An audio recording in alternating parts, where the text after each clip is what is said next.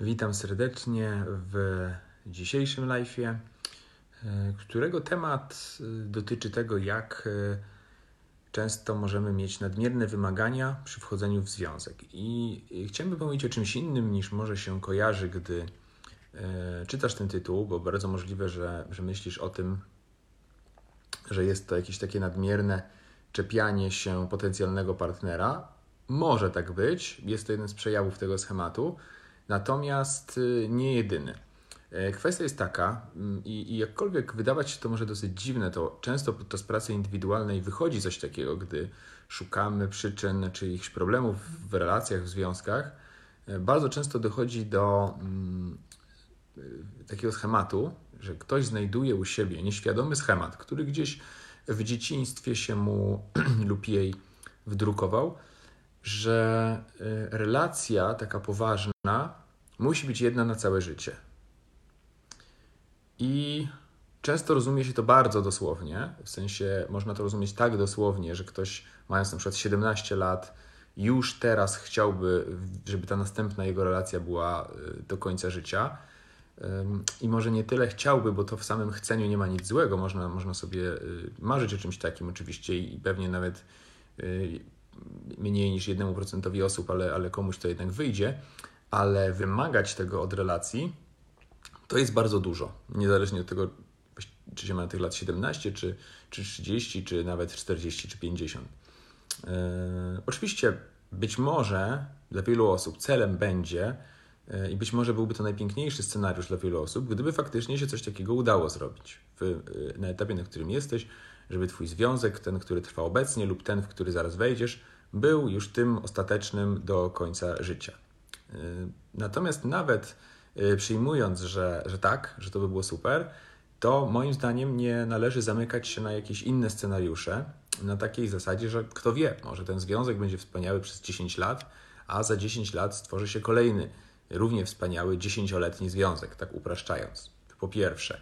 Po drugie, może jest tak, że faktycznie y, Twoim przeznaczeniem czy też wyborem będzie spędzenie całego życia w jednej bardzo długiej, być może kilkudziesięcioletniej relacji, ale nie wiadomo, czy to będzie ta następna relacja. I bardzo rzadko, swoją drogą, z powodów, nazwijmy to technicznych, y, czy też nazwałbym to bardziej psychologicznych, pierwsza poważna relacja będzie tą do końca życia ponieważ jakby moim zdaniem rolą pierwszych relacji, których część może już dziać się nawet w szkole podstawowej, później w liceum i tak dalej, rolą pierwszych relacji jest takie e, wytrenowanie się, otrzaskanie się w e, różnego rodzaju relacyjnych zawiłościach, czy w odróżnianiu projekcji podczas zakochania od realnej osoby, czy w radzeniu sobie z jakimiś trudnymi sytuacjami.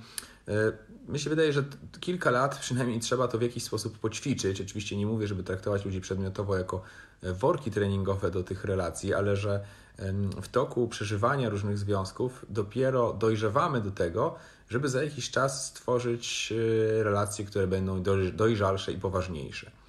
I moim zdaniem no jest taki wyraźny schemat, że jeśli ktoś jest bardzo, bardzo pod kątem związków zaniedbany, to znaczy miał ich w swoim życiu albo mało, albo nie miał, nie miał w ogóle, to w pierwszym takim związku, czy w drugim, y, może przejawiać pewne zachowania niedojrzałe i nie ma w tym też nic złego. Musi po prostu y, zgodnie ze swoim tempem y, przejść do zachowań bardziej dojrzałych itd. Tak itd. Tak I co tutaj chcę powiedzieć, że jeśli ktoś mm, ma taki schemat, wyciągnięty czasami z domu rodzinnego, czy z jakichś fantazji z hollywoodzkich filmów, jakąś przeżywa fantazję o Y, związku, który powstanie od pierwszego wejrzenia y, i będzie zawsze tak samo gorący, niezależnie od tego, co się dzieje, i będzie trwał do końca życia, y, to przerzucając taki, taką presję na drugą osobę, na relację, na siebie w tej relacji, robi sobie dużą krzywdę. To znaczy, bardzo trudno jest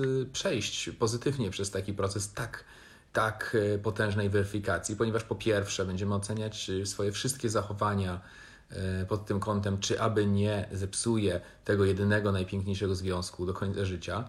Będziemy pod tym kątem być może bardzo krytyczni do partnera, będziemy zestresowani, będziemy dawać zbyt dużo presji do działań, które tak naprawdę wcale tej presji nie wymagają. No to tak jak tak jak w biznesie, mm, zdecydowanie łatwiej y, prowadzi się jakikolwiek biznes, po pierwsze, gdy ma się jakiegoś rodzaju luz z tym związany, więc jakieś być może odłożone środki na koncie.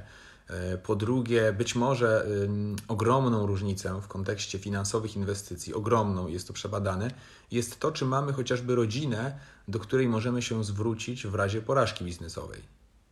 To nie jest tak, że ktoś stwierdza, ok, najwyżej zbankrutuje i i, i, ale poproszę mamy i okay, i to nic strasznego, tylko dalej oczywiście możemy bardzo nie chcieć bankructwa, ale sama ta świadomość, że w razie straty pieniędzy i długów jest rodzina, która z trudem, ale jakoś nam pomoże, już znacząco zwiększa szanse tego w ogóle, że zaryzykujemy i tego, że w tym biznesie odniesiemy sukces. W momencie, gdy mamy dwa lub trzy dobrze działające biznesy, zrobienie czwartego przychodzi nam często z, pomijając niedogodności czasowe związane z zarządzaniem tym czasem, przychodzi nam często z dużą łatwością, bo nie mamy tej presji. Natomiast jeśli zakładamy biznes z nastawieniem teraz albo nigdy, jak to mi nie wyjdzie, to umieram, prawdopodobnie nie będzie nam to szło dobrze. I, i, i mówię o tym dlatego, że mm, może się to wydawać w dzisiejszych czasach e, staroświeckie. E, większość z nas zna osoby, które są po rozwodzie, które takich związków miały w swoim życiu kilka, być może takich, którzy w ogóle nie planują wiązać się na stałe, więc może nam nie przyjść do głowy, że gdzieś w naszej podświadomości może istnieć taki schemat, albo w podświadomości naszego partnera.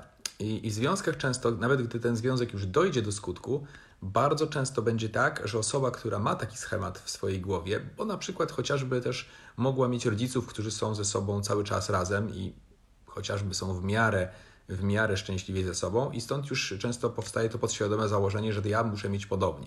W momencie, gdybym skończył swój poważny związek, byłaby to katastrofa, jakiej nie przeżyję. Więc wtedy dla takiej osoby każda kłótnia, każdy konflikt, każde jakieś nieporozumienie to jest y, życiowa tragedia. To nie jest, i nie mówię, że, że dla osoby, która dopuszcza opcję, że to nie jest jej ostatnia relacja w życiu, że to będzie wszystko przyjemne i miłe i fajne, tylko że pewne rzeczy mogą być dalej nieprzyjemne i mogą być dalej wyzwaniem, ale nie będą się wiązały z końcem świata, z rozwaleniem całego modelu rzeczywistości e, w przypadku jakiegoś takiego ewentualnego rozstania. A w momencie, gdy mamy tą opcję awaryjną, e, w przypadku relacji, będziemy mieli po prostu więcej racjonalnych zachowań, więcej luzu, bo nie będziemy związani z tak dużą presją.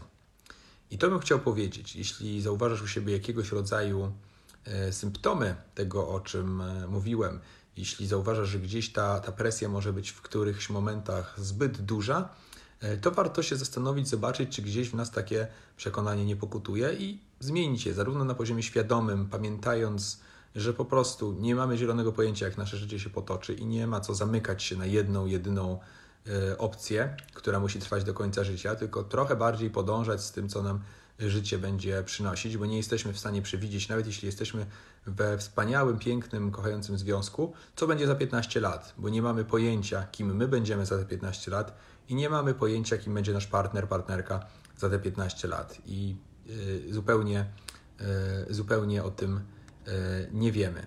Więc myślę, że, że warto dać sobie odrobinę więcej tego luzu, jeśli mamy takie przekonanie i zobaczyć, jak będzie nam się funkcjonować, wiedząc, że nie wchodzimy w związek z nożem na gardle. A ponieważ liczba osób, która miała to przekonanie mm, podczas, i które wyszło podczas pracy gdzieś ze mną na sesji jest dosyć spora, postanowiłem, że się tym e, podzielę, bo jest to kolejny przejaw tego, jak nadmierne wymagania e, tak naprawdę zamiast poprawiać życie, będą je e, utrudniać.